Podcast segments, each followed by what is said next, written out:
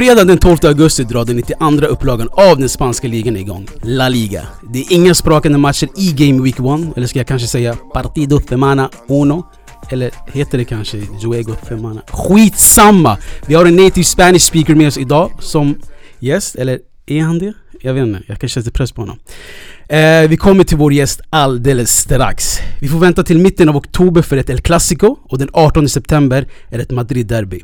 Men då är då, nu är nu. Låt oss välkomna vår kära gäst, tillika La Liga-expert, Kasse till bänken. Varmt välkommen min broder. Tack så jättemycket. Hur mår vi? Det är fantastiskt. Eh, försäsongen är ju i stort sett klar. Gamper på söndag för Barcelona men eh, nästa vecka så Gamper. Är det Är, är, det inte, är det inte, vet du, Juan Gamper. är det inte det här uh, Emirates Cup liknande kuppen fast för...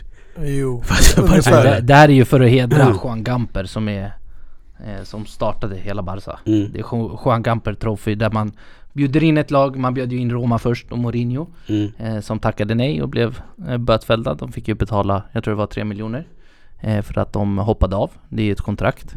Mm. Eh, och nu har man tagit Pumas istället. Eh, Dani Alves nya destination. Precis, det är sant egentligen.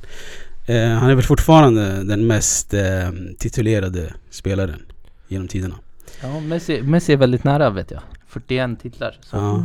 De vann väl någon cup igår, eller hur? Han. Ramos och... Eh, fan vad sjukt att se Ramos, Neymar och Messi. Och där, där Ramos ska försvara både Neymar och Messi när de går in i någon duell med eh, andra försvarare. Eh, ni hörde Mustafa TV i vanlig ordning, min broder. Är du varm i kläderna nu? Sen Ja, avsnittet? varmare än tidigare. Uh Och då var det kall då eller? Ja, lite kallt. Lite ringrostig.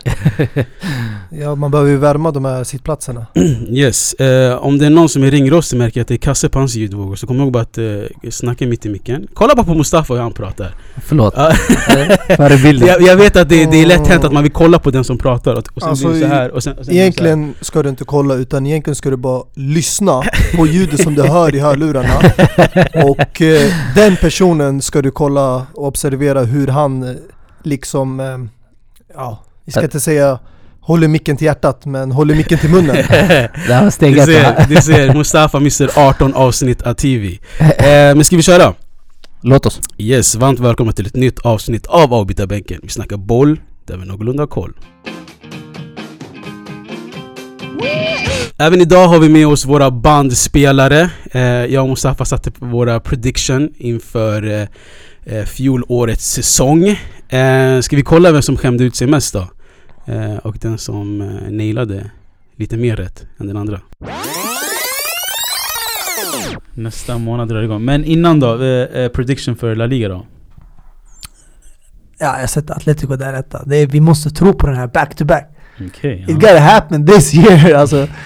En back-to-back och sen kan Diego Simone lägga ifrån sig eh, tränarkoftan och eh, gå vidare och ta på sig en ny tränarkofta i en annan liga. Ett annat lag. Blåsvart kanske? Ah, blåsvart! Redan så tidig förändring! Ja, ah, du tror inte på eh, Simone där. ja. i, Eh, nej men det kan vi ta nästa, eh, nästa chapter. ja, nej men Atletico... Mm, två. Två blir tufft men ja, jag tror Real Madrid, sen Barcelona. Fjärdeplatsen kommer jag ge till eh, Villarreal har gjort det bra med Unai Emery men jag tror mer på Sevilla. Ja. Eh, jag tror på... Eh, jag tror på Real. Två Atletico, tre Barca och fyra Sevilla. Ja, ah, du tror på Real? Ja, Med... Eh, Ancelotti. Ja. Och du var ju väldigt kritisk till eh, försvaret. Ja, men jag tror ändå, du vet, i, fotboll är inte logiskt ibland. Jag tror ändå att det på något sätt kommer ske.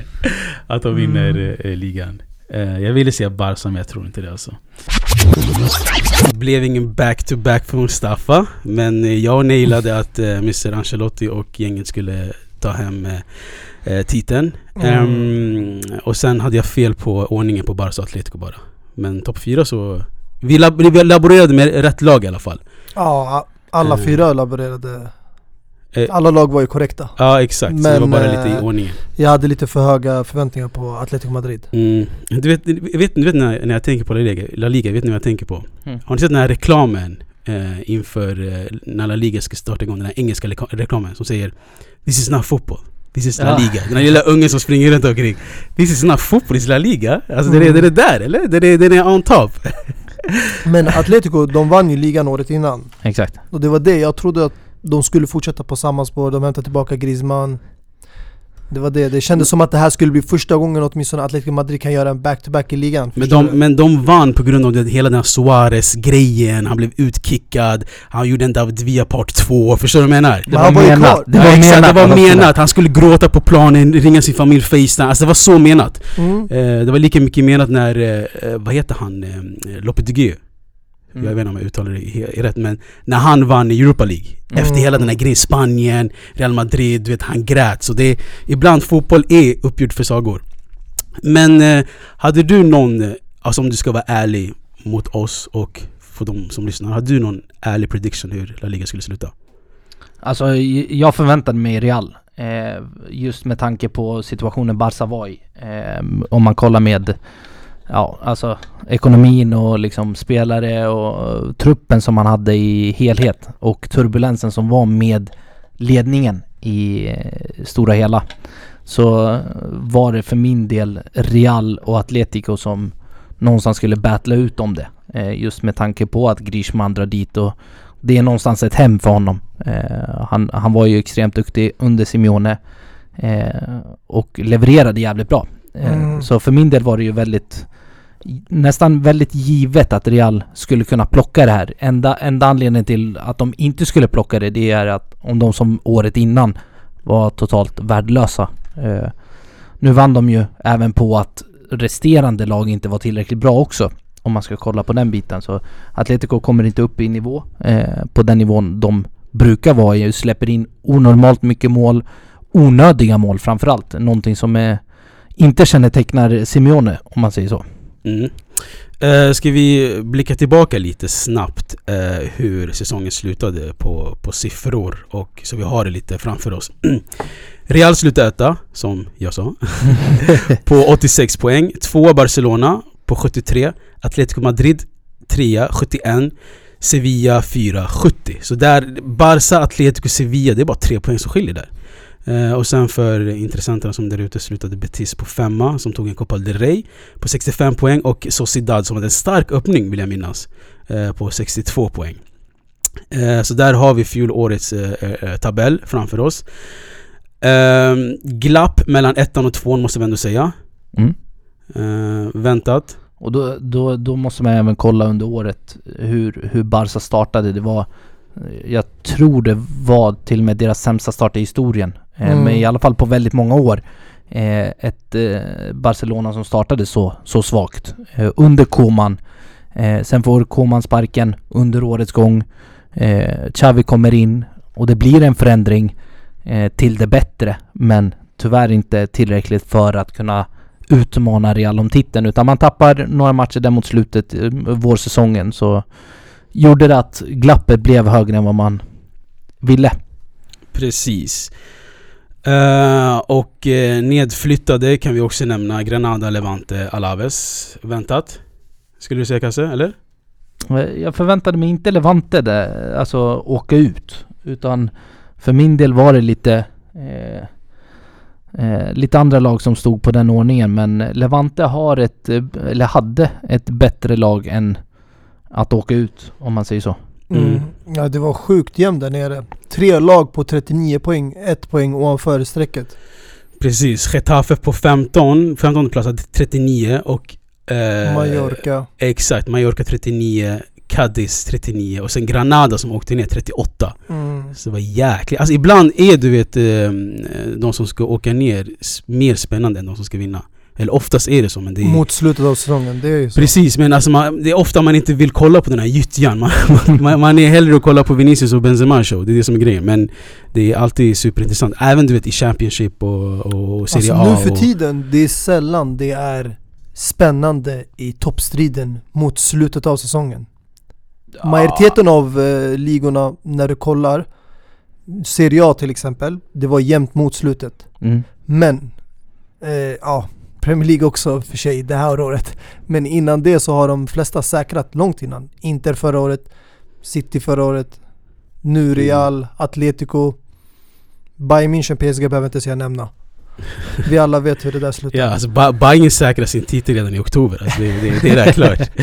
Eh, men eh, en sak vi kan alla komma överens är att Karim Benzema GOAT kommer vinna Ballon d'Or. Goat, ja, Ballon d'Or också. Ja, alltså inte GOAT, det är direct, det är det, jag menar. Det är ett uttryck som He vi, som vi is använder. this year's Goat. Ja exakt, right now i alla fall. Men eh, Ballon d'Or, Karim Benzema.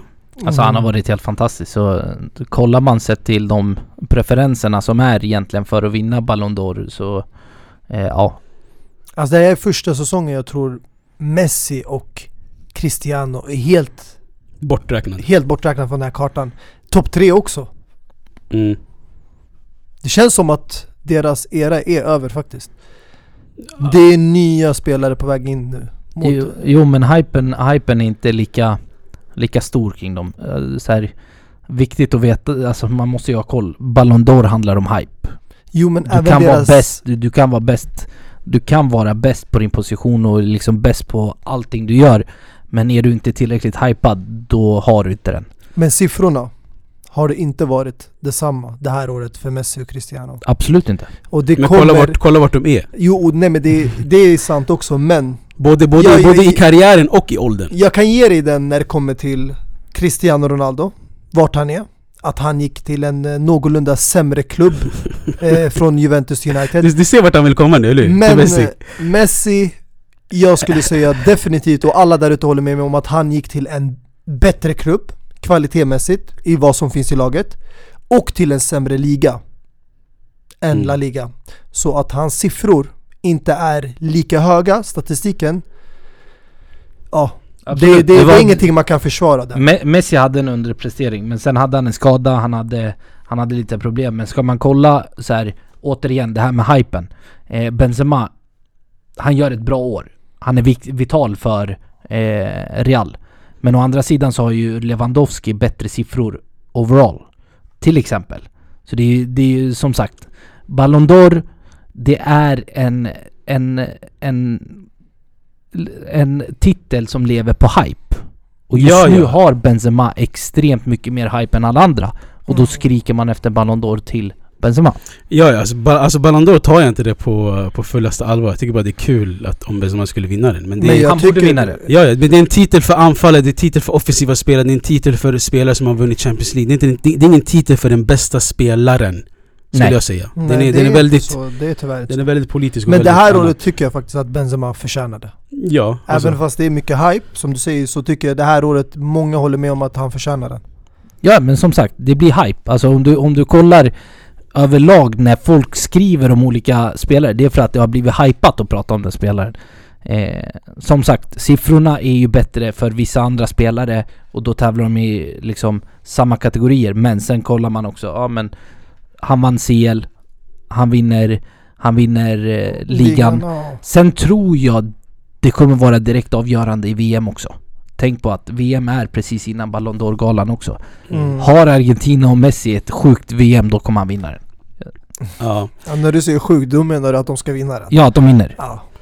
Ehm, om man kollar... Men som sagt, alltså, det, det, och det är det jag menar med hype. Då kommer Messi helt plötsligt bli hypad. Om man, om man fortsätter kolla siffror så gjorde Benzema eh, 27 ligamål Mm.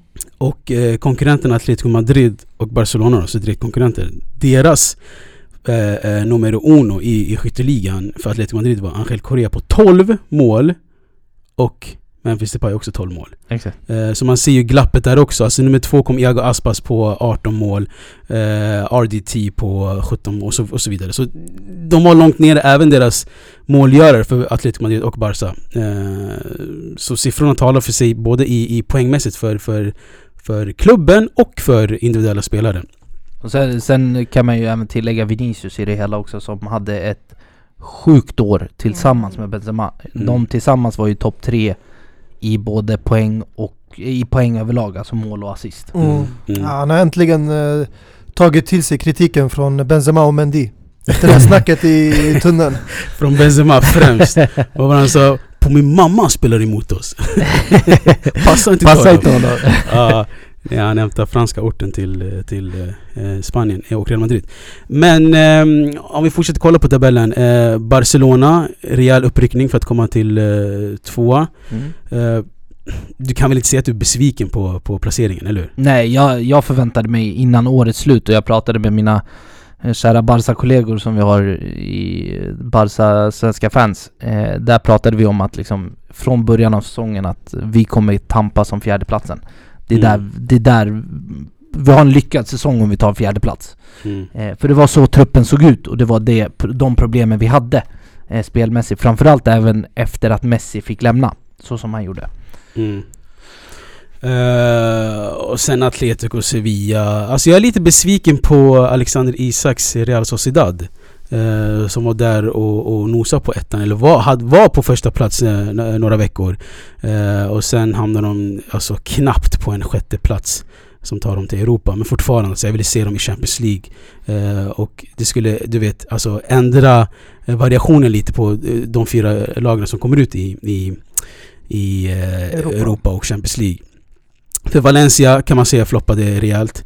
Eh, och Villarreal som gjorde det bra ute i Champions League. Eh, jag kommer ihåg dem väldigt väl.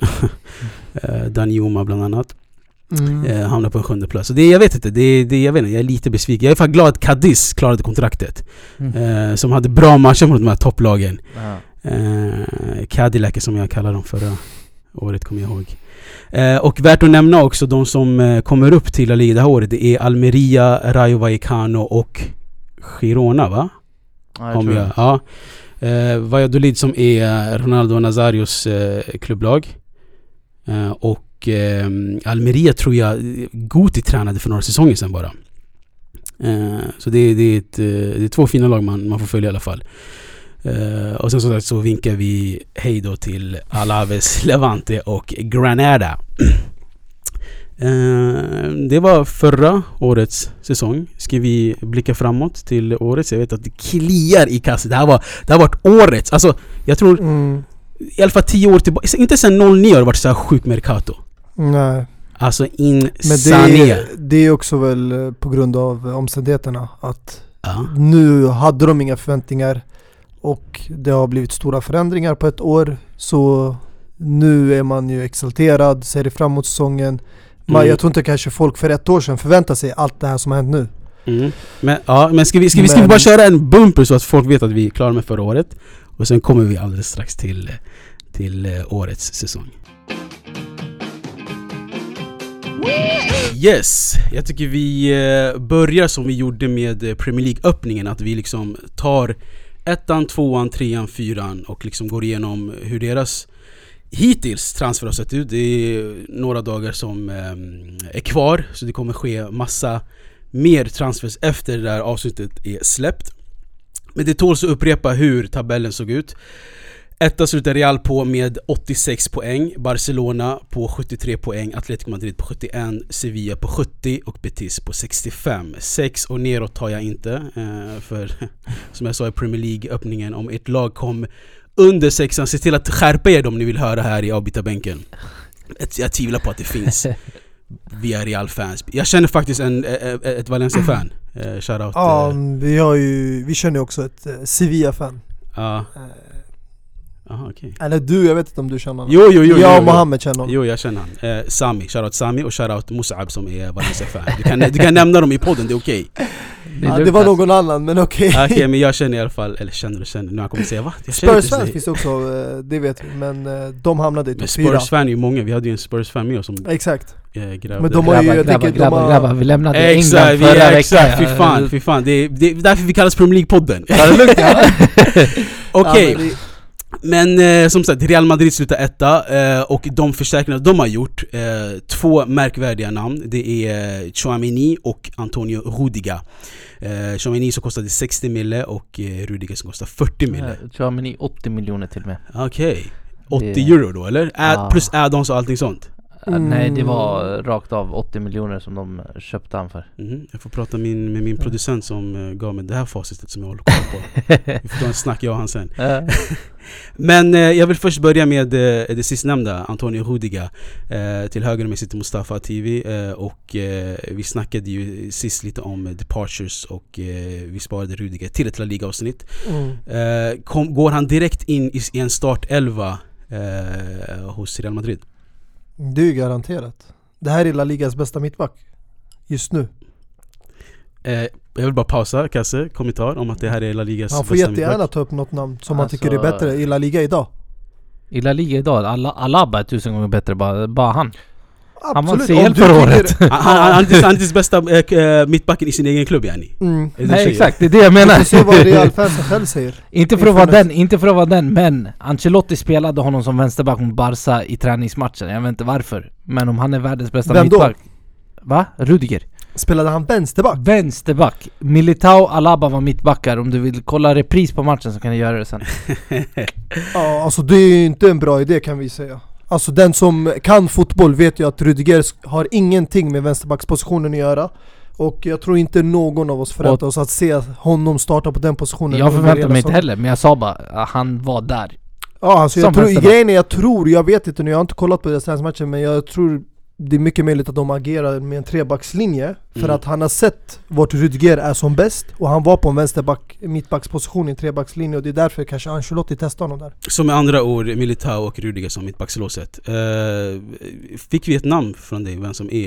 Eh, ja just det, så att Alaba, är till och med alltså, bättre Men jag tror det är många där ute som inte håller med, inte ens Real Madrids fansen själva Alaba fick, även trots att de vann Champions League, fick han mycket kritik förra året Alaba? Ja Militao kanske fick det, men inte inte Militao matcher höjde faktiskt på. ribban om man jämför från för förra året och förra året, likt Vinicius. Han höjde sitt spel när Varane och Ramos försvann. Men Alaba, alltså han har ju agerat som mittback förut också men i landslaget spelade han mittfält och i Bayern München spelade han för det mesta vänsterback.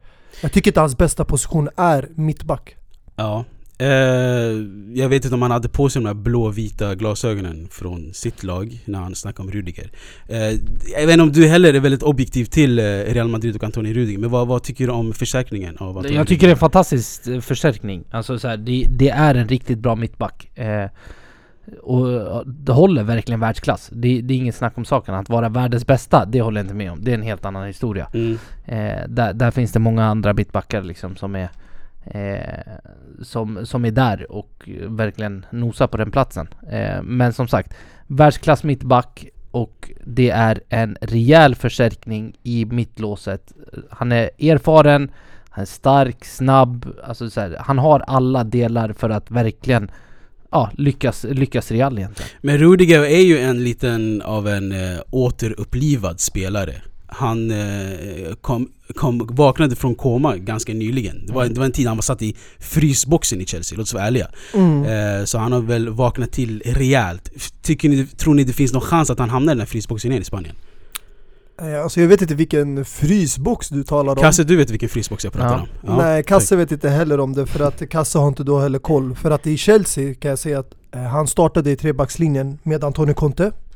Och när Maurizio Sarri tog över så var Rudger en av startmittbackarna tillsammans med Davlys eh, det kan man kolla också statistiken vem som spelade mest.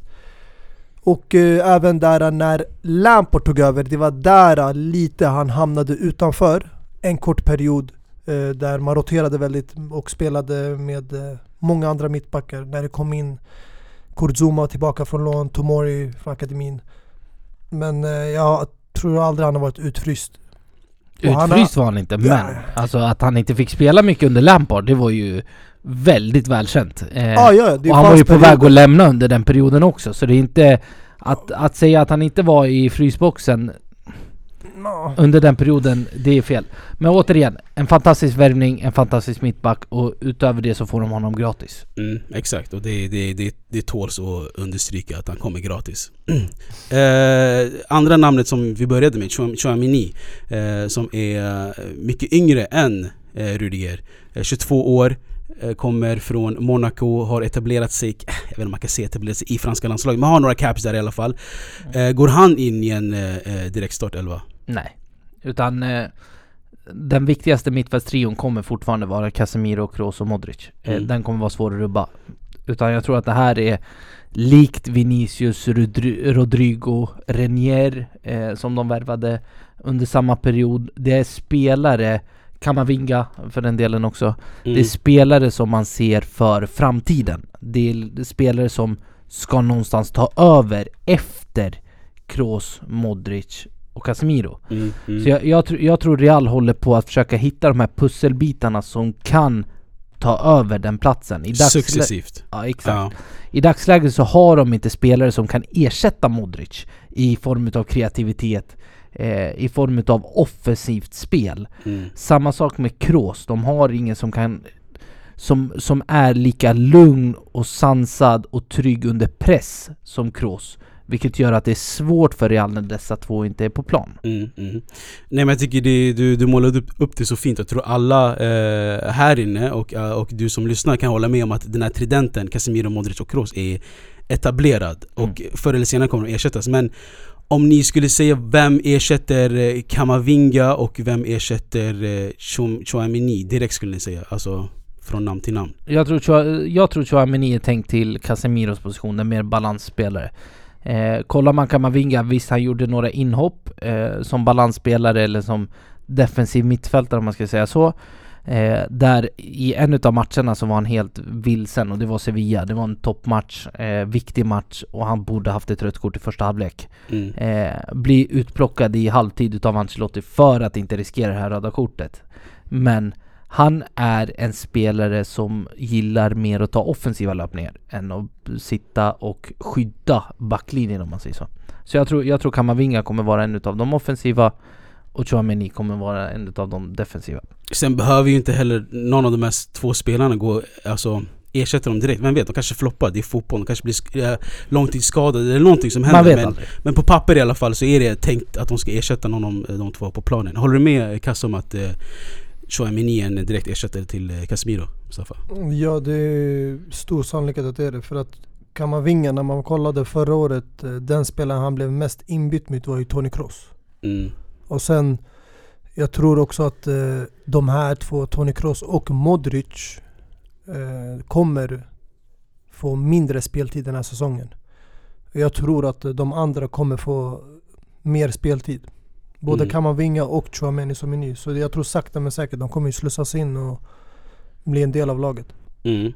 Eh, tror ni Real Madrid är klara med eh, fönstret? Nej. Det saknas en där uppe. En backup-anfallare till eh, Benzema behövs det. På tal om successiva ersättare eller?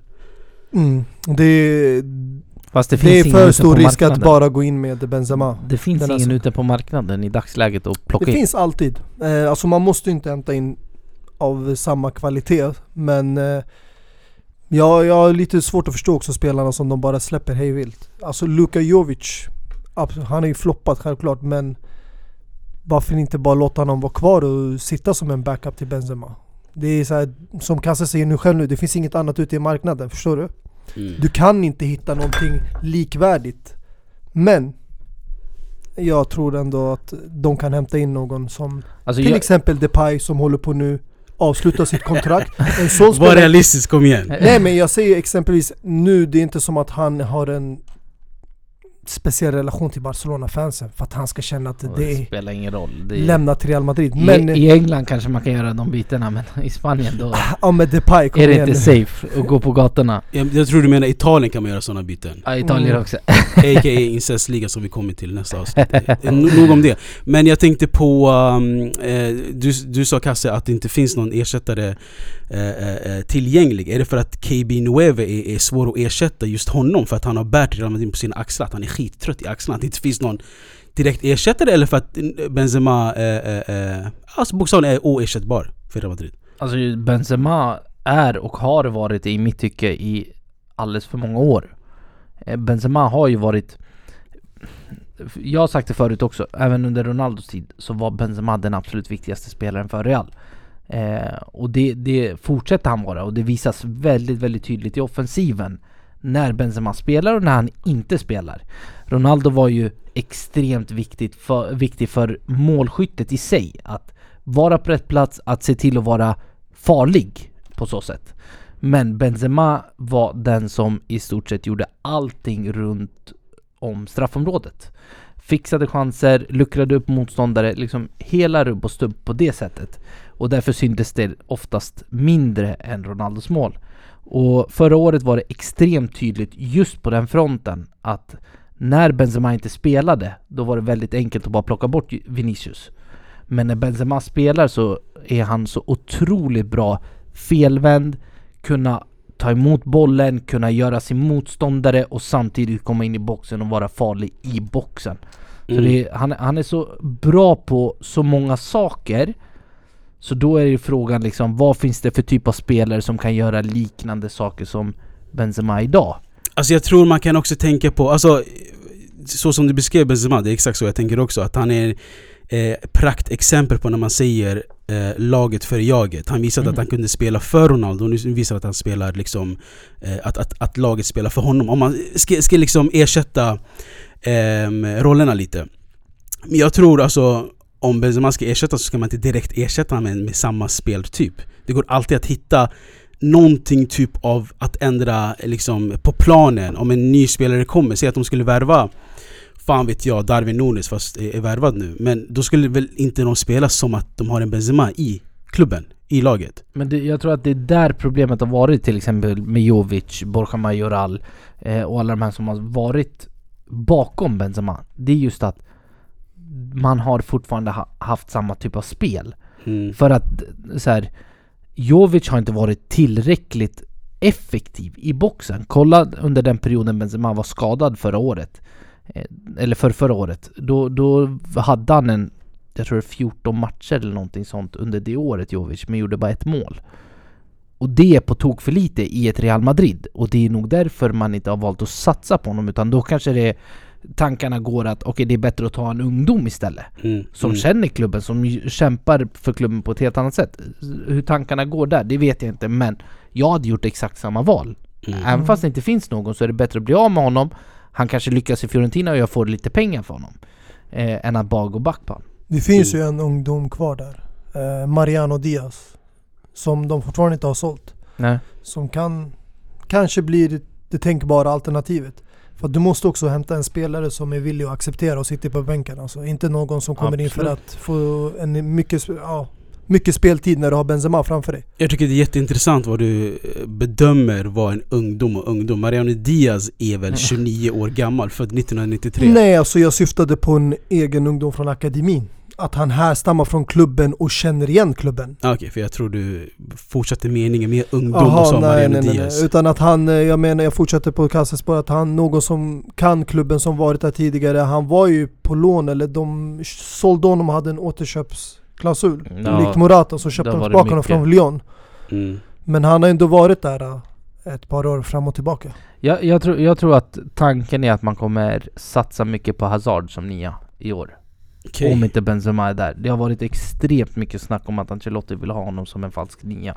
Mm. Eh, och där spelade han även träningsmatchen mot oss i USA, eh, på USA-touren. Så eh, var han på den positionen. Så mycket snack går att, ja, för Hazard är tillräckligt duktig för att kunna axla en sån roll. Han är duktig på att hålla bollen felvänd, han är duktig på att göra sin motståndare.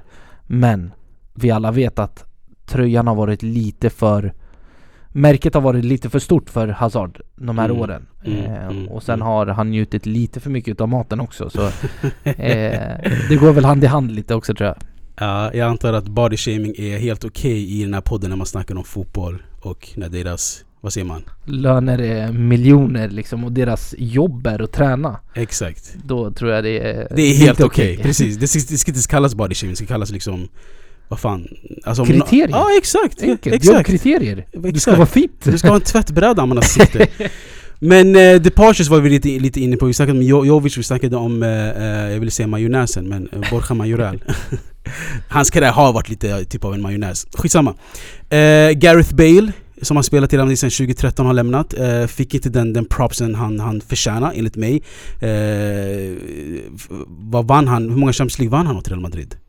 Två, Eh, Han Två var med vann han åt på...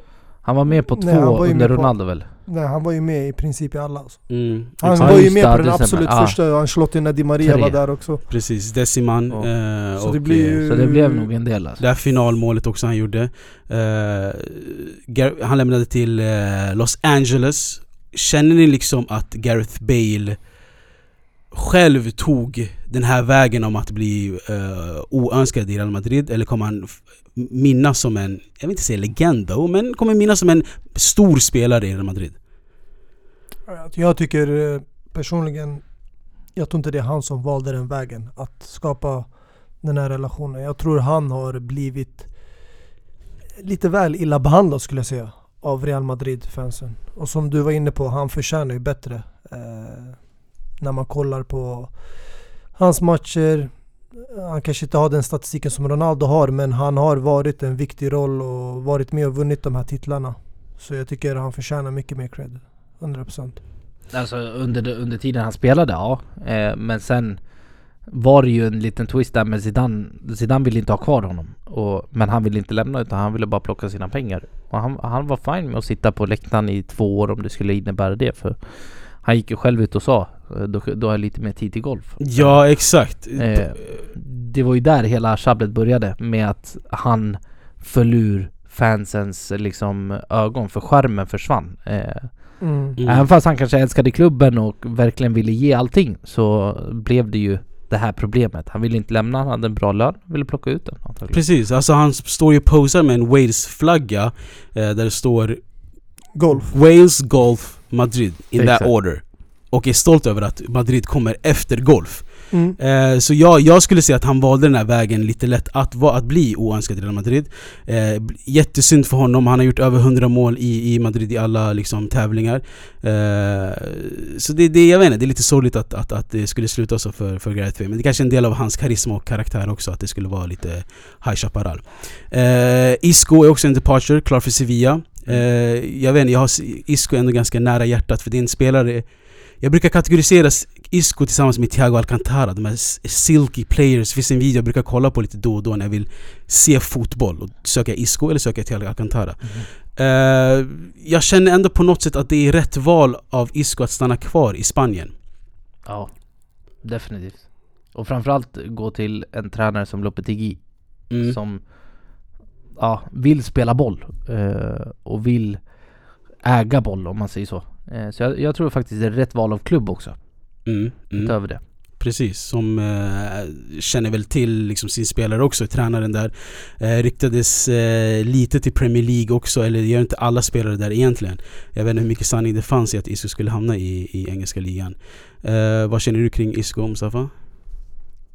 Nej, det är en fin fotbollsspelare. Det finns inte så mycket att säga. Det är bara synd att eh, karriären har gått så som den har gjort dalat ner de här senaste åren. Men jag hoppas att eh, det här kanske blir en, en eh, eh, ny, nytt kapitel för honom kanske där han eh, känner att han kan få igång kärleken för fotbollen igen. Eh, han har gjort det tidigare för Malaga. Så jag vet inte nu han eh, känner i Sevilla men det är en klubb också som har ju sålt av många bra spelare. Mm. Men eh, om jag minns rätt, jag vet inte, det, han hade ju ett par fina framträdanden där eh, för spanska landslaget för ett par år sedan. Var det Lopetegui som var tränare då innan han fick sparken? De här matcherna mot eh, Italien Italien när han Mm. snurrade Jag runt tror det. Verratti. Den här tunneln, fan vad fin den var alltså. Eh, ja, alltså, som sagt jag hoppas verkligen att hitta sin, eh, sin, eh, sin form. Eh, ja, det har kliats i alla våra kroppar tror jag, men mest hos Kasse. Eh, de här vita väggarna har förvandlats till blårandigt, eh, blårött randigt ska jag säga, blaugrauna. Vi har kommit till eh, eh, två, fjolårets tvåor. Barcelona som slutade på 73 poäng, eh, ett glapp, ja. Eh, vad blir det då? 13 poäng och slutade efter Real Mm. Madrid. Eh, det är mycket som ska ses om Real Madrid, det vet vi alla. Men jag tycker först vi, vi nämner bara kort Eh, vilka värvningar de har gjort. Barcelona har väl varit den som har värvat liksom mest ögonbrynhöjande av alla klubbar i hela världen. Vi snackar om Tottenham men det här är ingenting att liksom eh, jämföras med. Eh, om vi bara kort drar vilka som har kommit. Eh, jag måste börja med The Body, Lewandowski, eh, som kommer från Bayern München. Eh, Jules Condé, Rafinha, Kessie, Christensen Och det är väl dem som ska nämnas. Har jag Japp. glömt någon? Nej det, det är värvningarna just nu Ja. i dagsläget. Jag tycker ändå vi börjar med eh, Robert Lewandowski. Robert Lewandowski. Om ni inte förstår eh, skämtet så kanske producenten kan lägga upp vem jag syftar på. But um, yeah, we in Bayern we have uh, Robert Levan Lewandowski. You know Robert Lewandowski. Lewandowski, exakt. 33 år, eh, gjorde sig väldigt liksom eh, eh, i slutet av, innan han lämnade Bayern München, att han verkligen ville lämna. Han hade gjort sitt. Eh, snackas om att han inte liksom, dök upp på någon träning, eller han visade i alla fall att han ville bort. Till slut kom han till Barcelona. Lewandowski är en av de bästa niorna vi har sett i modern tid. Eh, pangar in mål hela tiden, så det ska bli skitkul att se han i en mer uppmärksammad liga, som La Liga. Vad, vad känner du kring Robert Lewandowski som eran nia i Barcelona? Och fantastisk värvning. Utav det man har sett framförallt nu under träningsmatcherna och Juan Gamper som var i söndags eh, så erbjuder han så otroligt mycket mer än bara målen. Eh, man märker ju att han, han någonstans även är och kan vara en väldigt bra förebild för de här unga anfallarna som vi har. Eh, och hjälpa dem rätt. Så det är en otrolig, otrolig värvning.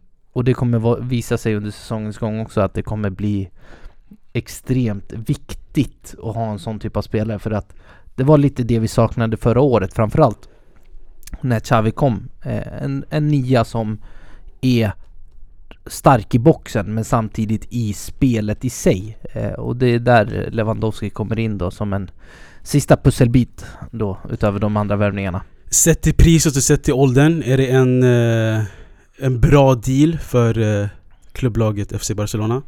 Eh, överpris enligt mig. Eh, jag, jag tyckte man gick lite för, för mycket för hårt på honom. För, jag förstår varför. Eh, det var verkligen ett krav utav Xavi att han ville ha honom. Men någonstans 30 miljoner snåret hade varit okej plus add-ons om man säger så liksom. Eh, Mm. baserat på vad som hände under året.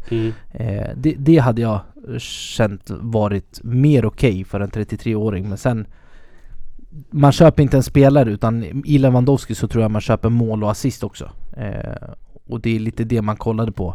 Hur har hans produktion varit hittills? Och då kanske man valde att investera de extra pengarna i honom där då. Mm, mm, mm.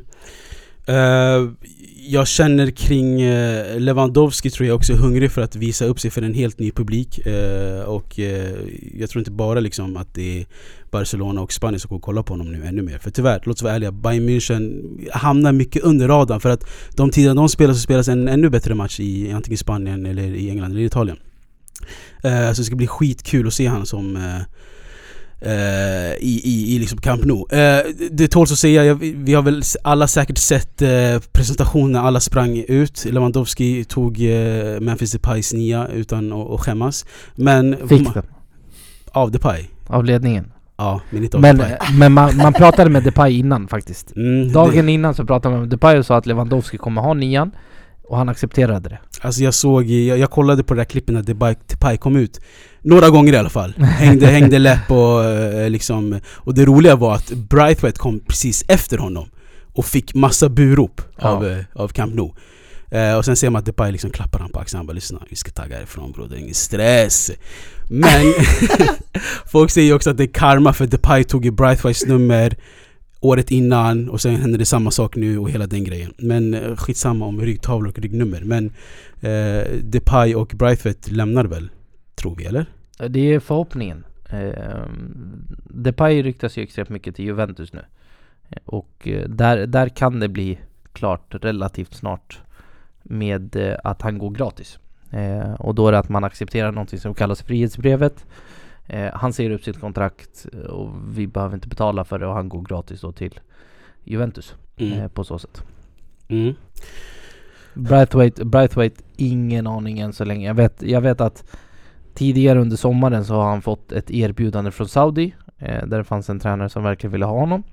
Mm. Eh, fick typ trippla lönen än vad han har idag. Eh, men vi alla vet ju att Braithwaite, är kanske den rikaste fotbollsspelaren i världen liksom. Stämmer Eh, han, jag tror inte pengar spelar någon roll utan för hans del är det att kunna gå till Camp Nou varje dag liksom. Precis. Alltså, Som eh, lockar mer liksom. En otrolig, otrolig businessman, Braithwaite.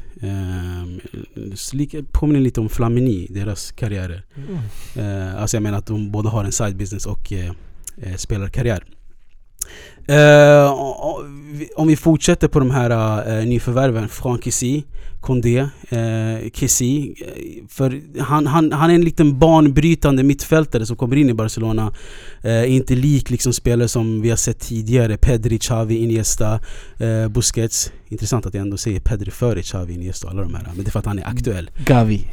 Ah, Gavi, vilken jävla bluff alltså. Han blev uppmärksammad för något annat med någon annan spelare här. Eh, kanske inte ska gå in på det, jag vet inte, massa rykten och så. Men, eh, Kessie, eh, jag, jag tror väl att det kommer in som en liksom att de vill försöka ändra spelstil lite. Jag vill inte dra den här eh, eh, eh, em, kopplingen direkt till eh, spelare som Seydou Keita eller Yahya Touré, men jag får den viben att de vill komma in med eh, äga Är det bara mittfältet lite. den viben du får? Eller får du lite Alex Song-vibe och sådär? äh? Vad, så du menar att Kessie kommer floppa? Nej, alltså jag, jag tror det kommer bli antingen en bra värvning eller en rakt av flopp. Alltså det, jag tror inte det finns någonting mittemellan för hans del. Men anledningen varför de har hämtat in en KC, jag tror det är för att man ska kunna ändra matchbilden. För att ha andra typer av mittfältare. Som du nämnde, de har haft väldigt eh, liknande typer av mittfältare under en lång period.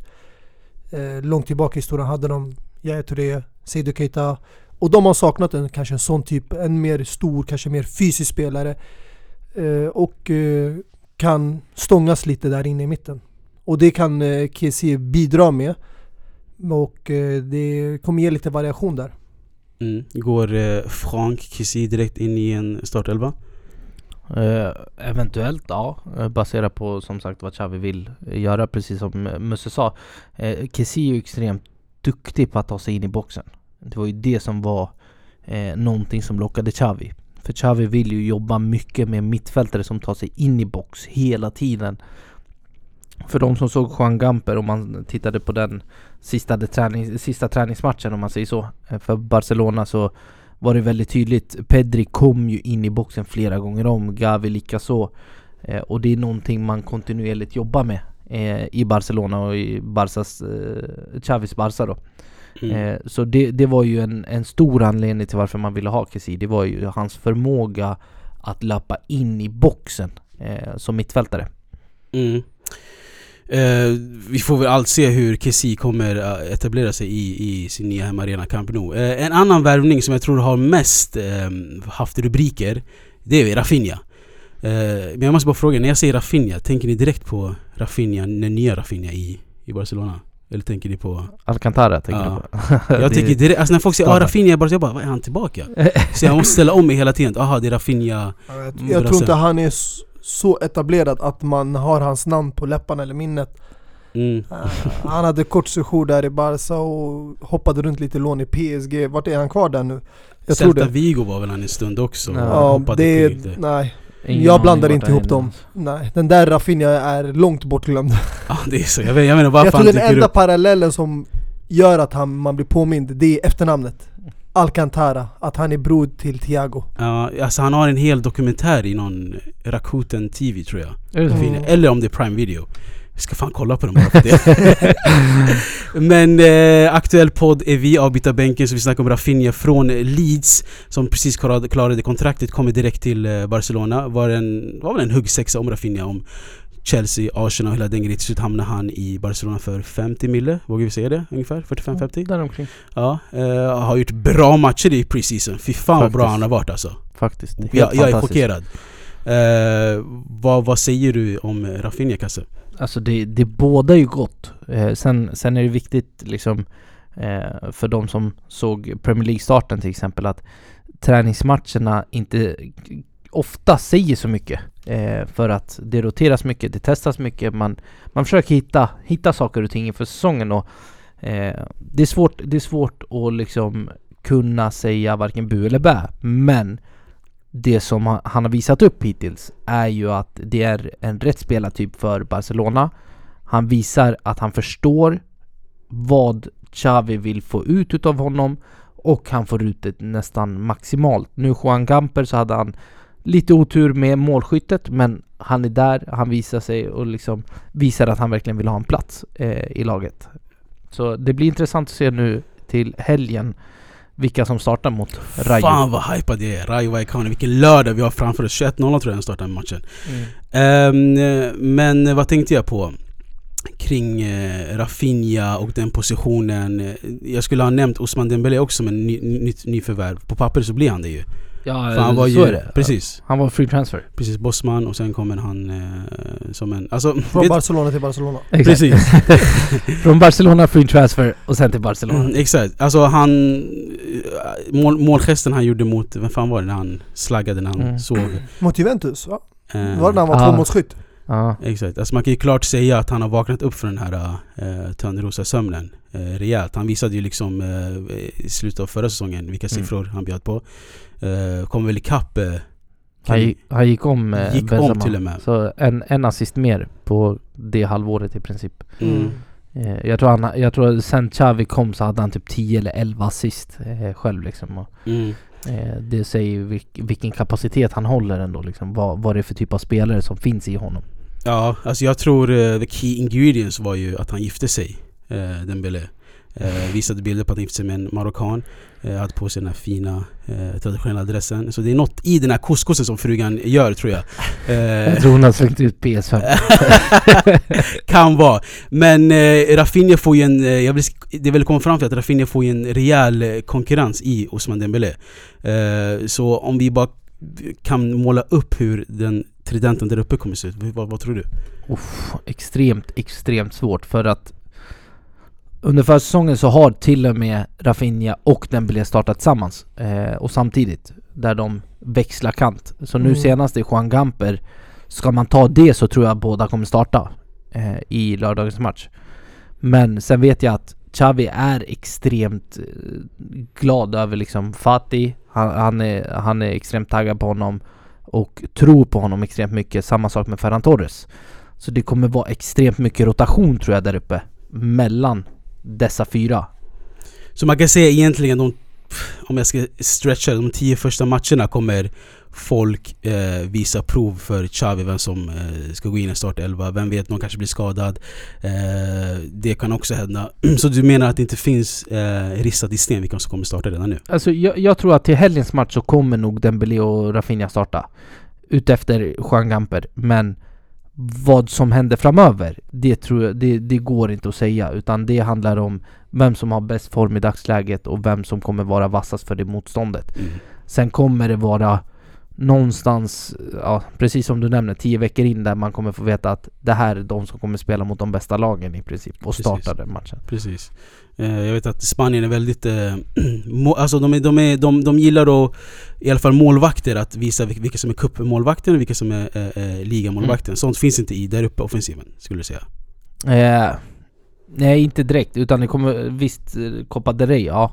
Där Mm. finns det liksom. Mm. För det, det är inte en kupp för en typ så kvartsfinal eller semifinal man brukar ofta spela sitt bästa lag liksom. Utan det kommer vi senare skede. Utan det, det kommer vara liksom ligan och Champions League, de viktigaste matcherna där.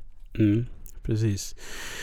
Eh, jag tänkte på, ni vet, det här åskmolnet som kretsar kring Barcelona hela tiden. Vi har varit lite glada nu, snackat om transfern bara. Som att det har varit en vanlig, du vet, eh, transferfönster. Som att det är bara okej, Barcelona har all, världen, all pengar i världen. Vad? De kan ju värva Lewandowski, de kan värva Kessie utan några problem.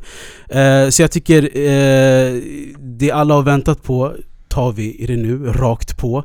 Eh, jag kan börja så här med lite så här kontroversiella meningar så vi får en bra start om hur vi ska prata och hur Kasse ska ta igenom oss där. Eh, vi kan börja med vad eh, eh, Bayern Münchens chef Nagelsmann kommenterade. Han sa Det är den enda klubben i världen som kan köpa spelare utan pengar. Det är lite konstigt och galet. Han sa inte det på svenska eh, i och för sig men jag försökte översätta det så bästa möjliga. Eh, Gary Neville Eh, en väldigt pratglad människa som eh, eh, älskar att eh, liksom, skriva sina åsikter på Twitter och det är skitkul att följa. Han sa kring Frenkie de Jong att eh, en klubb som spenderar förmögenhet eller det han började med var att de Jong borde överväga rättsliga åtgärder mot Barcelona och alla spelare borde stå bakom honom. En klubb som spenderar förmögenhet på nya spelare samtidigt som de inte betalar dem eh, som de har under kontrakt för sina fulla pengar är omoraliskt och ett brott. Så taggade han FIF Pro. FIF Pro borde vara över, alltså det här borde, det är mobbning sa han liksom och det, det borde stoppa. Eh, så jag tycker vi börjar med Frenkie de Jong där och då. Eh, vad vi vet utanför liksom den här Barcelona-bubblan Det är att okej, okay, eh, Barcelona är skyldig liksom Frenkie de Jong, vad är det, 17 eller 20 mille? Eh, och de, kan, de vill inte betala honom, eh, kan inte betala honom eh, och de liksom tvingar honom ut. Och sen ser vi liksom, aha, men de har ju värvat Lewandowski för 45 De har värvat Rafinha för 50, vad fan kan du inte bara ge de Jong 20? Ja exakt, vad fan alltså, alltså, What's going on? Jag tror eh, att de kan. Kan kan de. Jag tror det ligger någonting bakom det till varför det inte har blivit av. Att de inte vill det eller på något sätt kanske lyckas komma undan det under en försäljning av Frankie de. Mm, men kan kan de, för det har de visat klart och tydligt att de har de pengarna. Jag försökte vara väldigt generell för vad många åsikter och tankar eh, sägs om det här liksom, väldigt banalt. Och det, det, mm. det är så det har skrivits extremt mycket. Varför betalar man inte? Och så här, det, det, som, det som har varit under de här senaste åren är ju välkänt. Barca har haft dålig ekonomi ända sedan Bartomeu-styrelsen. Bartomeu-styrelsen har ju kört ner ekonomin i botten, alltså Eh, eh, six feet down som man brukar säga. Och eh, det, är, det är ett problem. Och det var ett problem framförallt. Eh, det man gjorde då eh, med framförallt Laportas styrelse, det var ju att man gick till spelarna och sa att vi behöver ta lönesänkningar. Men vad överenskommelsen har varit där, det, det vet ingen. Det är ingenting som är känt. Om det finns på papper eller vad det nu kan vara. Ingenting har läckt. Ingenting vet någonting Förutom de parterna som var vid bordet. Och Gary Neville självklart. Ja, och Gary, Gary Neville. Och eh, viktigt att påpeka, Gary Neville går ut och säger det här när hans bror fick eh, eh, ja, blev smattrad med sju, vad var det, 7-0, 6-0 i en träningsmatch. Och eh, sen kom det här tweeten, så det var lite jag tror han var lite lack för att de skämde ut honom eller så fick han flashbacks från sin Valencia-tid liksom. Det vet jag inte. Men återigen, jag tar det där med en näve salt. Men som sagt, eh, för att återgå till Frankie så har de gjort en överenskommelse med att Frankie kommer dra, ta en lönesänkning, han kommer inte få ut sin fulla lön eh, för att hjälpa klubben och därifrån, de pengarna kommer han få tillbaka sen.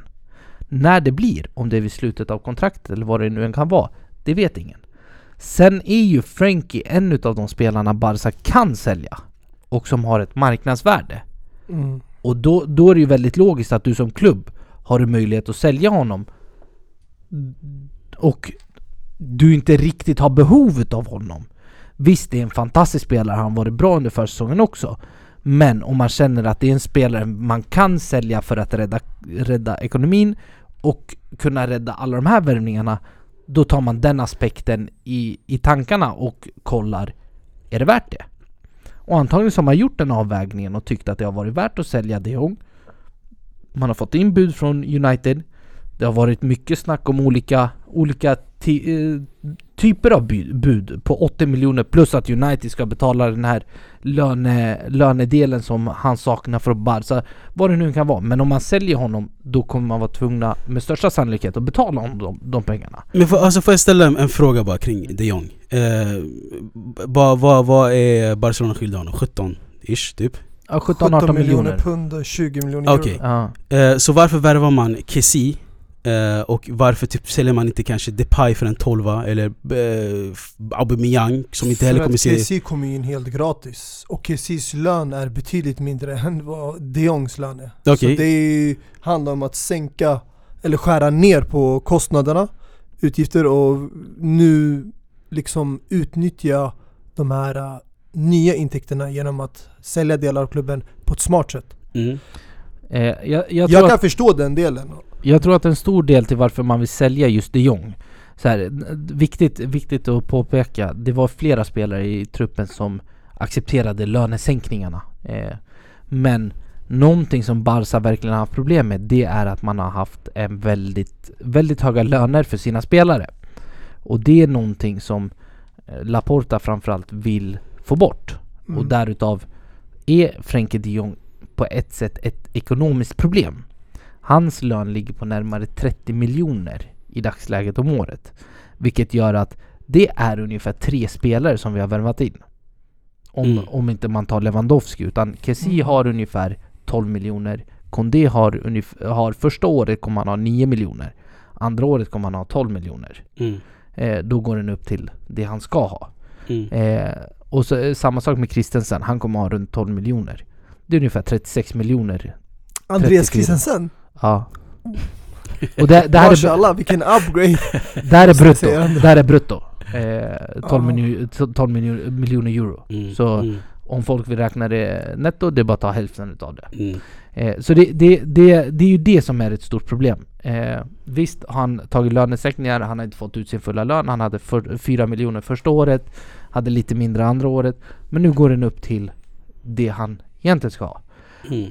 Och liksom allt det här grundar sig någonstans i det, de nya eh, nyheterna som nyligen har kommit ut att Barca och Laporta och grabbarna vill ställa eh, Frenkie, Piqué, Alba eh, och någon mer för rätta för kontraktsbrott. Eh, och det, det, det grundar ju sig i att eh, Bartomeu förlängde deras avtal en vecka innan han avgick. Jävla gangster alltså. Ja. Mm. Och då, då var det tal om att man skulle tjäna runt 13 miljoner eller 15 miljoner på det. Men att under deras avtalstid så skulle man få betala 350 miljoner för det. Mm. Ungefär, i Mm. runda slängar. Och Mm. det, det, är, det är det man håller på att undersöka liksom att Var de här en del utav det? Eller vad var grejen liksom? Att visste de här om det? Vad, för, för det blev extremt mycket högre löner än vad de egentligen hade. Mm. Men på tal om de här lönerna och lönesänkningen. Visst är det så, för jag vet att jag och Mustafa pratade om det här off mic någon gång. Visst är det så att eh, de här, alltså det står någonstans i kontraktet att när de har fått tillbaka liksom, eh, eh, eh, liksom eh, pengar och ekonomin är stabil att de får tillbaka sin eh, ursprungliga lön. Ja det, det har de redan inför i år. Sin ursprungliga, ursprungliga lön. Det är därför de Jong är ett ekonomiskt problem. För att hans lön går inför i år upp till 29 miljoner Mm. brutto. Mm. Men det är inte det som är problemet, att de ska få igen sin lön. För det är utlovat, det, Det- det- finns i kontraktet. Men Jag tror att de kommer få det när kontraktstiden är slut. Det Mm. är det som är avtalat. alltså jag, jag kan förstå deras sätt att jobba för att skära på kostnaderna och ja, höja intäkterna och bygga ett mer ekonomiskt smartare sätt att köpa och sälja spelare. Men å andra sidan, jag måste hålla med Gary Nevilles kommentarer. Just för att när jag tänker ur ett neutralt perspektiv, ur ett, en klubb, ett företag generellt.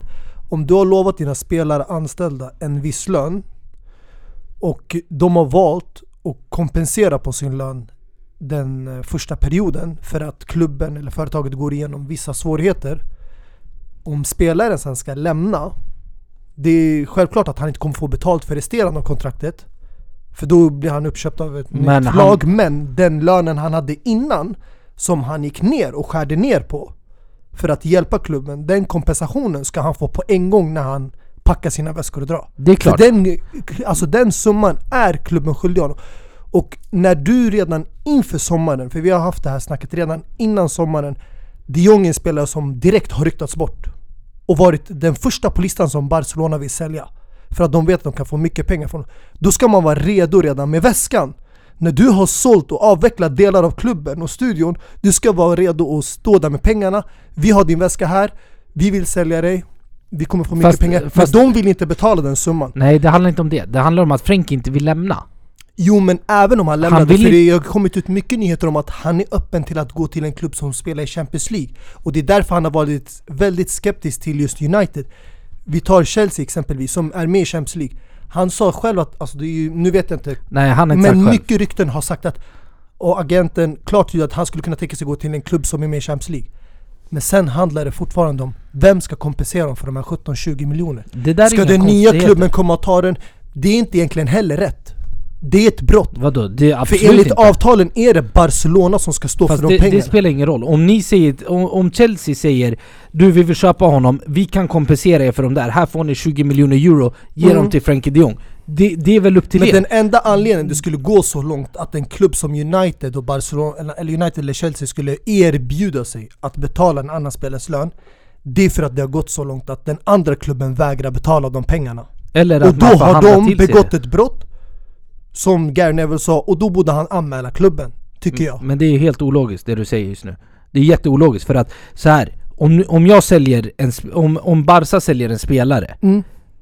och han vill ha de där pengarna, då gör han sig rätt för dem. Mm. Men om Barca förhandlar med en annan klubb som säger att vi kan betala den lönen, vad är det för typ av brott? Men Det är, ingen, det är den andra klubben som är helt att i ingen- huvudet som betalar. Jo, jo, men vi vet att ingen annan Alla klubb vill, frivilligt erbjuder sig att betala en annan spelare som, tillhör en annan spelare bara, bara för att avsluta Frenkie de Jong-ämnet egentligen, för att det, det är inte där det största problemet ligger. Eh, Frenkie de Jong har inte lämnat, nummer ett, och tidsramen på när han ska få pengarna, det är nog inte bestämt.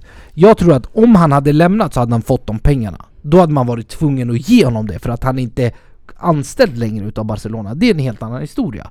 Nu har han inte lämnat, han har inte velat lämna för att han har precis stadgat sig, han ska vänta barn och han vill, han vill bygga ett liv i Barcelona. Det är det han har sagt.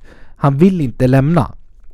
Chelsea har frågat Barca om Frenkie de Jong men de vill inte gå in i förhandlingar förrän de Jong säger att jag vill lämna. För att inte slösa tid. Och det är där det ligger. Frenkie vill inte lämna. När pengarna ska betalas, det vet ingen. Om, det, om man har satt en tidsram på att innan ditt kontrakt är slut så kommer du få de pengarna. Eller om man har sagt att inom fem år så kommer du få pengarna. Men sen är den stora frågan också, vill du spela i en klubb som eh, tävlar om alla titlar? Eller vill du spela i en klubb där de betalar dina pengar och sen får man lida i två, tre år till? Mm. Vad är den stora frågan? Indirekt så syftar han där på Manchester Ja, United, kan vi tillägga Det här är ett La Liga-avsnitt så håller Manchester United utanför den här boxen. Men eh, jag tycker det är jätteintressant eh, i det du säger, det här med eh, vad väljer man? Jag tycker det kommer ner till en personlig fråga. Vad, Exakt. hur värdesätter du fotbollen? Värdesätter du det mer som ett jobb? Att du vill kamma in dina pengar och säkra din framtid och dina barn och barnbarns? Likt Oscar och, eh, eh, vad heter han, Graciano Ramirez Pelle och Hulk och- Hulk alla som är Ja. Gucci och så, alltså jag respekterar de människorna otroligt mycket However, eh, Frenkie de Jong är en lirare, vi vet att han har spelat över 140 matcher i Barca. Han Exakt. har haft tränare som Setien, eh, Valverde, eh, Xavi, Koman och ändå varit den här, en, en, en ganska given spelare. Ja. Eh, Men som du säger, det handlar inte om de Jong, det handlar om pengarna eh, Barcelona, de har, de, det har rapporterats skulder, vad är det, 1,3?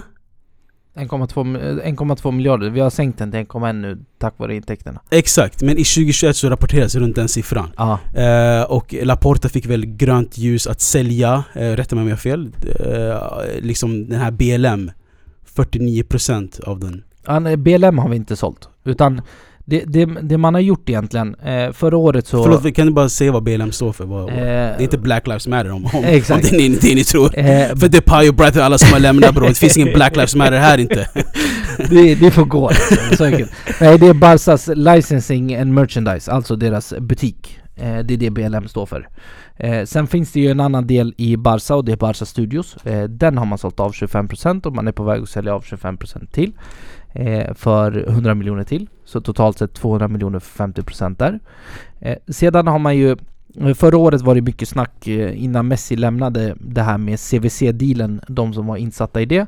Och det var ju att eh, Tebas, eh, La Ligas president, tog ju fram ett avtal där klubbar skulle få eh, man, klubbarna sålde av ungefär 8%, 8,5% utav sina tittarrättigheter för att få ungefär eh, en summa pengar. Real och Barca fick, skulle få någonstans 220 till 250. Och det man gjorde då, Laporta var ju väldigt het på gröten och ville köra den. Men den dåvarande presidenten, vad nu hette någonting på R, han sa till Laporta att det är en dålig deal. Det är en värdelös deal. Eh, så till slut så backade Barca och vi förlorade Messi på det. Hade vi signat den dealen så hade vi kunnat behålla Messi enligt vad Fifa-presidenten sa. Nu var det ju tre klubbar som valde att inte hoppa på den dealen. Och det var ju Barca, Real och... Kan det ha varit Sociedad eller någonting sånt? Det var tre, tre eller Bilbao eller någonting sånt. Eh, tre klubbar som valde att inte hoppa på den. Och det här skulle lösa det ekonomiska problemet som La Liga-lagen har enligt Fifa-presidenten. Eh, men det har ju visat sig vara så långt ifrån sanningen som, som det bara går. För att de har kollat på de här nyförvärven som har gjorts i La Liga i sommar. Så har det varit ungefär 95 nyförvärv och eh, det var ungefär, för någon vecka sedan eller två, så var det ungefär bara 30 som hade registrerats. Och klubbarna kunde inte registrera de andra. Trots att man har fått de här, den här extra injektionen utav pengar. Kollar man Barca, Barca har fått in ungefär 900 miljoner nästan. I cash den här sommaren för att man har sålt av tittarrättigheterna på egen hand istället. Då sålde man 10%, fick ungefär 200-250.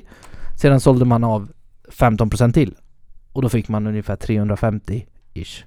Eh, plus att man sålde av Barca Studios och plus alla andra intäkter som man har fått.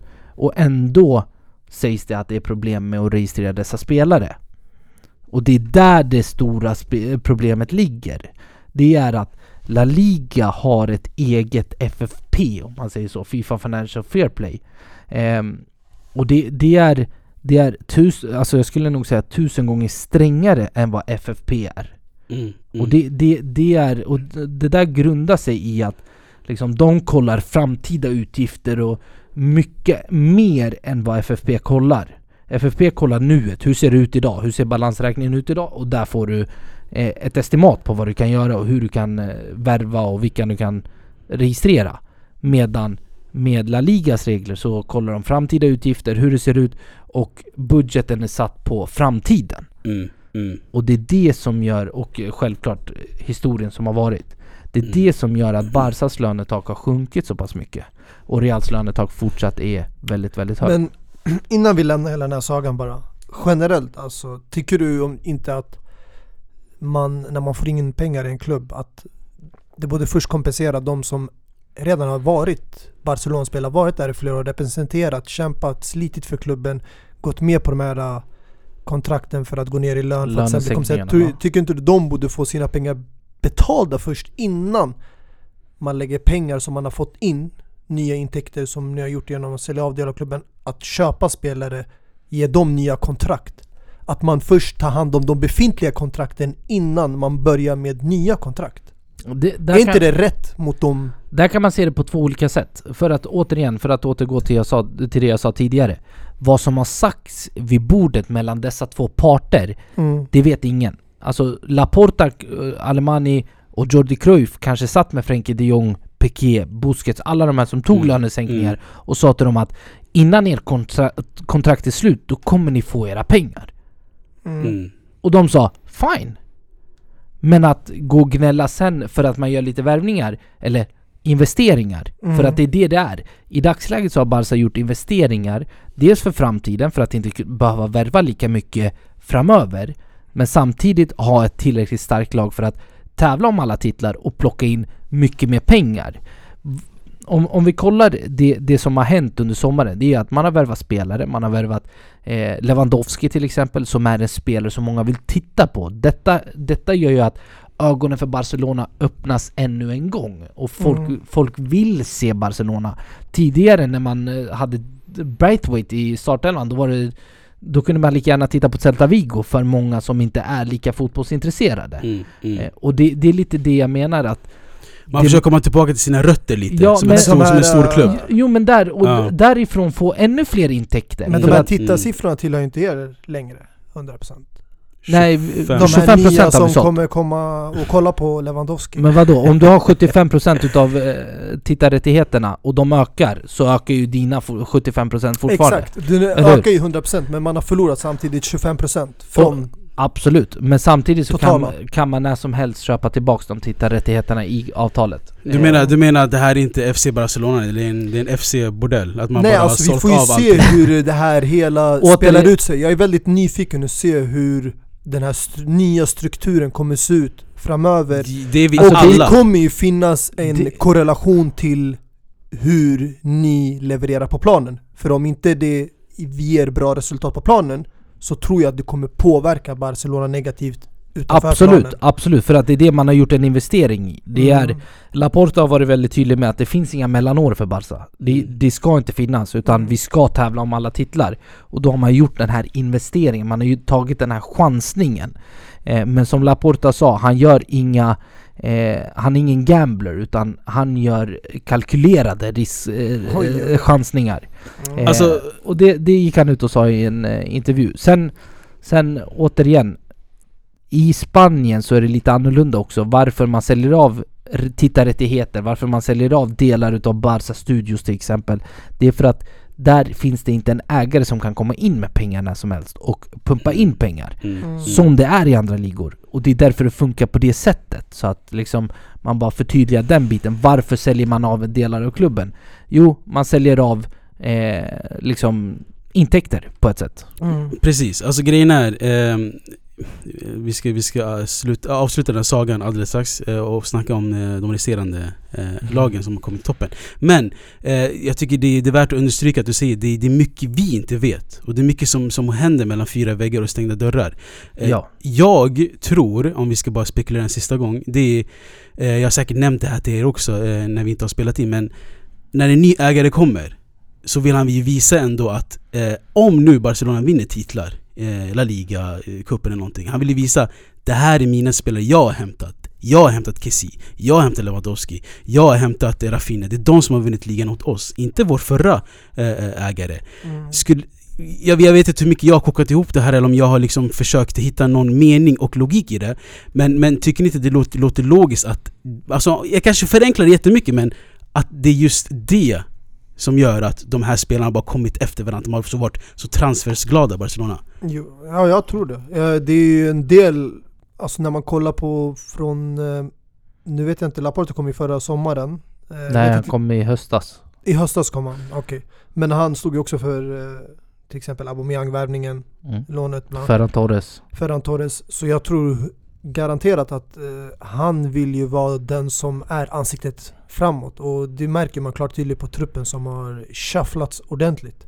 Alltså, Alltså- Jag, jag, jag, jag tror på ett sätt samma, men kollar man dessa värvningar så har det varit väldigt tydligt att det här har varit krav från Xavi. Eller Mm. inte krav, utan önskemål kan man väl dra det som. Och det är just att Xavi vill ha liksom konkurrens på varje position. Han har velat ha det. Han har sagt vilka spelare han har velat ha. Och det är därifrån Alemani, eh, Jordi Cruyff och Laporta har jobbat. Det, det de alltid har gjort är att de har mätt alla sina intäkter. De har kollat gång på gång på gång med La Liga så att allting är lugnt. Tidigare så sa La Liga att säljer ni, drar ni de här hävstångerna då kommer det inte vara några problem att registrera dem. Nu är det tydligen problem.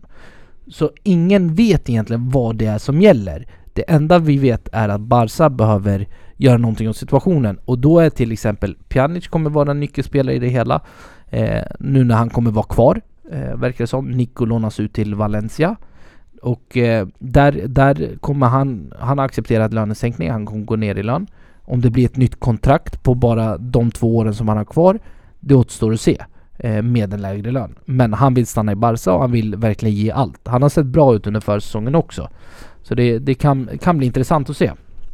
Eh, sedan har vi som sagt Depay, Brightweight eh, på väg ut och sen får vi se hur, hur eh, Piqué och Busquets och Alba ställer sig till det här med att de har väldigt höga löner. Klubben behöver få ner lönekostnaden för att kunna registrera de nya värvningarna och eh, om de kommer vara en del utav eh, hjälpen om man säger så. Mm. Eh, det känns ändå att vi har Det började som ett grått åskmoln, vi har fått lite klarhet, du har gett oss väldigt tydliga liksom, eh, riktlinjer att följa. Och inte bara liksom eh, läsa allt från Twitter och eh, eh annat skit. Eh, Jag tyckte verkligen att du, du höll en röd, röd tråd, det var tydligt och att eh, jag, hoppas, jag tror också att lyssnarna eh, tycker samma sak. Ehm, trean och fyran då, Atletico Madrid slutade två poäng bakom eh, Barcelona på 71 poäng och Sevilla 70 så det var väldigt tight där. Eh, vem som helst kunde ha tagit eh, eh, andra platser känns det som. Eh, Atletico Madrid då, som Mustafa hade som eh, nummer ett för eh, den här säsongen, att de skulle ta en back-to-back. Eh, har väl gjort några värvningar så. Eh, Witzel, som många glömt bort att han existerar, eh, var kvar i det kalla landet i Ryssland ett bra tag. Eh, sen Ja, Dortmund. Exakt, Dortmund Exakt. senast. Precis. Men det, det är Zenit Witzel jag gillar mest alltså, av alla, av alla eh, olika Witzels. Eh, vad, vad, vad, vad säger ni om Atletico Madrids eh, eh, transfer ehm, so far, måste man ändå säga. Alltså det är inte någonting märkvärdigt som vi kanske vanligtvis är vana vid. När man brukar se Atletico Madrid aktiva i transfermarknaden. Det brukar ju vara storvärvningar som Luis Suarez, Griezmann, Joao Felix. Det här året har det inte varit så mycket action. Alltså det är ganska lugnt. Jag tror inte... Alltså ambitionerna skulle jag säga visar inte att Atletico Madrid vill utmana om ligan när det kommer till transfermarknaden. Och eh, jag vet inte om de, eh, ägaren eller tränaren känner att kanske den här truppen har tillräckligt mycket bra kvalitet i laget för att utmana om ligan. Men jag tror, eh, jag tror att de behöver göra mycket mer om de ska komma upp till Real Madrid och Barcelonas nivå. Eh, där, där återigen liksom har mycket med ekonomin att göra. Eh, för de, de som har följt Atletico Madrid under framförallt Simeones tid så vet, de, så vet man att Simeone räddade ju dem från konkurs helt och hållet eh, med alla eh, med sitt spel och alla eh, försäljningar som de kunde göra tack vare det spelet och eh, eller hur han fick fram spelare på så sätt billigt och sålde dem dyrt. Men jag, jag tror att det kokar ner i ekonomin. De kan inte värva vilken spelare som helst. De gjorde, om man säger en investering i Joao Felix, ha kvar honom. Nu gjorde de en investering förra året i Grishman. De lånade in honom på två år. Eh, spelar han 50% utav matcherna de här två åren, då måste de värva honom för 40 miljoner. Så jag tror att de håller på att spara pengar för att Grishman, jag tror att det är typ nio matcher kvar han behöver spela för att uppnå de där 50 procenten. Så nästa år så måste de betala oss 40 miljoner direkt i sommar. Påminner om eh, Thiago Alcantaras eh, grej. Om att det var väl någon match han hade kvar för att uppnå... Ja, då skulle hans utköpsklausul öka. Ja. Eh, så det var ju det som var problemet och då han, han spelade inte den matchen. Jag tror, jag vet inte om det var eh, Tata Martino eller vem det var som var Ja. tränare då. Bara hjärnsläpp. Han behövde spela typ 30 minuter tror jag det var. Alltså det var så här, släng in honom Så bara. med andra ord kan vi säga att eh, Griezmann har åtta matcher kvar, inte nio. Han kommer inte få spela den här sista matchen. jo men det är det. Sen, sen om, han, om han blir skadad till exempel så sjunker ju liksom matchantalet. Då behöver det inte vara åtta utan det är procentuellt på antalet matcher han är tillgänglig. Så det, det är bra att ha i åtanke så. Eh, så jag, jag, jag tror att Atletico Madrid försöker värva smart. De Mm. har en, en hyfsat bra offensiv i form av eh, Griezmann, Joao Felix och eh, vad heter han brassen? Eh, Kunja, Cunha. Eh, nummer nian. som de har plockat från, eh, om, om det var Hoffenheim eller vad det nu kan vara. Eh, I vintras tror jag det var, de plockade honom. Mm. Eh, så, eller Hertha Berlin. Eh, så de, de har ju offensiven sett så tror jag. Det är spelare som passar in i Simeones spelstil, det är spelare de kan vända sig till. Saul återvänder från Chelsea eh, och sedan har man gjort värvningar i eh, Molina från Udinese. Har Försök, försöker gå på Rodrigo de Paul-spåret yani. Ja men typ, och jag, jag tror att mer, mer, mer pusselbitar som kan passa Simeone men som man kan även få ha ett värde i framöver utan att man behöver lägga en förmögenhet.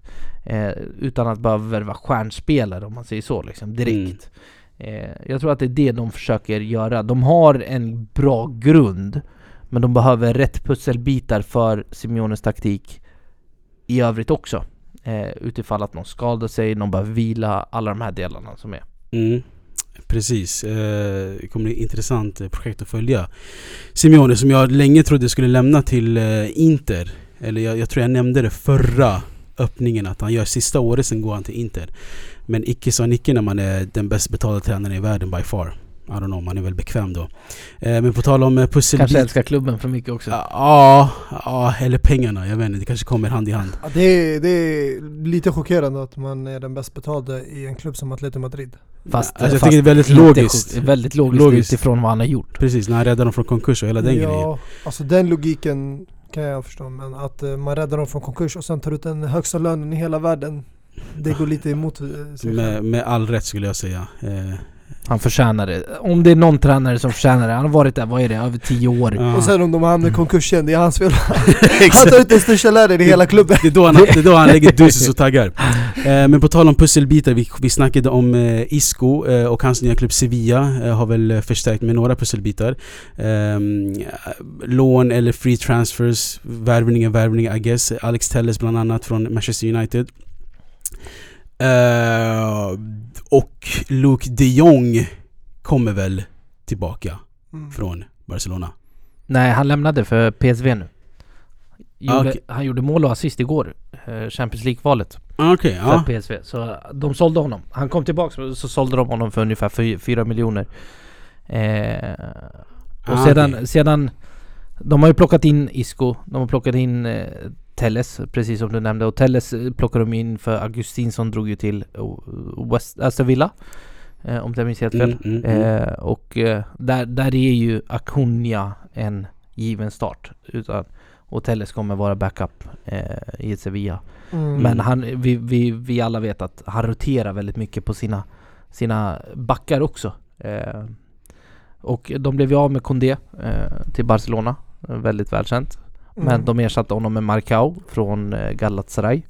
Så där blir det också intressant. Och jag tror att inför i år så kommer de ändå satsa lite, lite mer på en ung talang, eh, Ivan Romero, som Mm. har varit extremt bra, framförallt under kuppen utav det man har satt, sett och han har fått spela en hel del träningsmatcher också.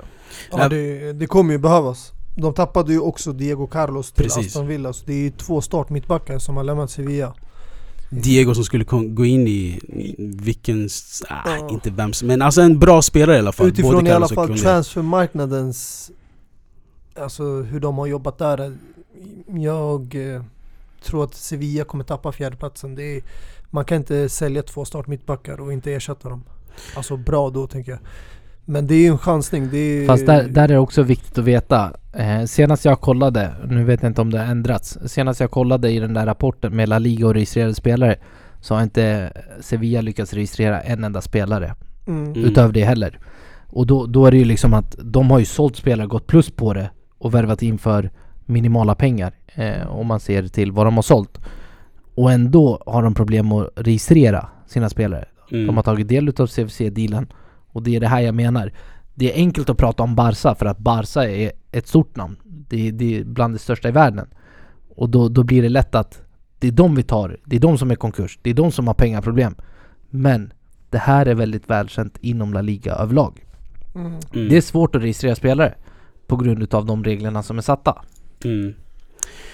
Ja, eh, fan vad sjukt ändå att jag missat att Luke de Jong har lämn- lämnat. Eh, jag brukar hålla koll på mina holländska spelare. Det, det, brukar svänga snabbt där i transfermarknaden. Men det var nyligen i så fall, eller hur? Nej, det var två veckor sedan tror Okej, jag har varit på semester. Exakt! ja, nej alltså bokstavligen, jag har varit på semester. För er som tror jag skämtar. Ehm, var i Malaga och ja, spanade exakt. lite. Exakt. Jag försökte hitta en Isco-tröja faktiskt, vet du hur svårt det var? Jag, jag frågade varenda butik, har ni inte så här vintage-tröjor eller? De hade bara massa nya tröjor. Vad fan ska jag med de här nya Segunda-tröjorna? Exakt. Ehm, men ehm, det här var topp fyra. Eh, och det var de vi skulle snacka om. Jag vill bara kort, superkort nämna att jag är skithypad på Real Betis, eh, Copa del Rey-vinnarna.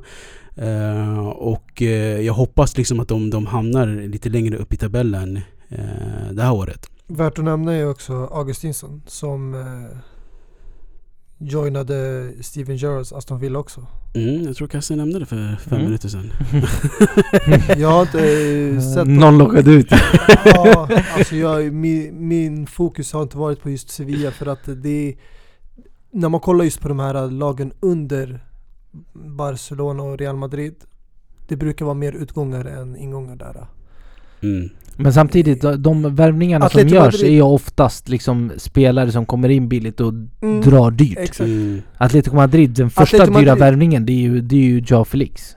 Mm. Nej alltså de har ju ändå haft lite investeringar tidigare Alltså när man, kommer, när man kollar nu summorna, det är självklart Joao Felix är I en stor investering men förr i tiden så var Falcao en investering Jo fast du, Alltså- de värvade honom för 20 miljoner och sålde han kanske för 50-60. Nej alltså han efter. värvades för mig, jag tror det var närmare 30 Men grejen är den tiden, 30 miljoner är som dagens 90 miljoner Det är det som är själva, de har ju förändrats Det var ju, de hade ju också eh, De har ju tendens att värva väldigt mycket spelare från Portugal har jag känt eh, Ja, så Floppen också, vad heter han?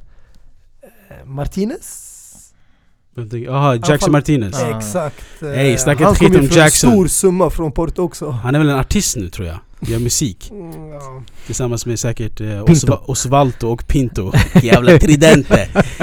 Eh, men det finns så jävla mycket mer att snacka om La Liga Men som ni ser på era mobiler eller datorer eller vad ni lyssnar på oss från nu Vi är uppe mer än timmen eh, Alltså via Real hade man velat snacka om Unai Emery och vart de hamnar och hela den grejen eh, Men som sagt, hamna topp 4 då om vi ska snacka om via Real Vad fan eh, Yes, tiden har kommit till det mest intressanta Våra prediction för nästa säsong Mm.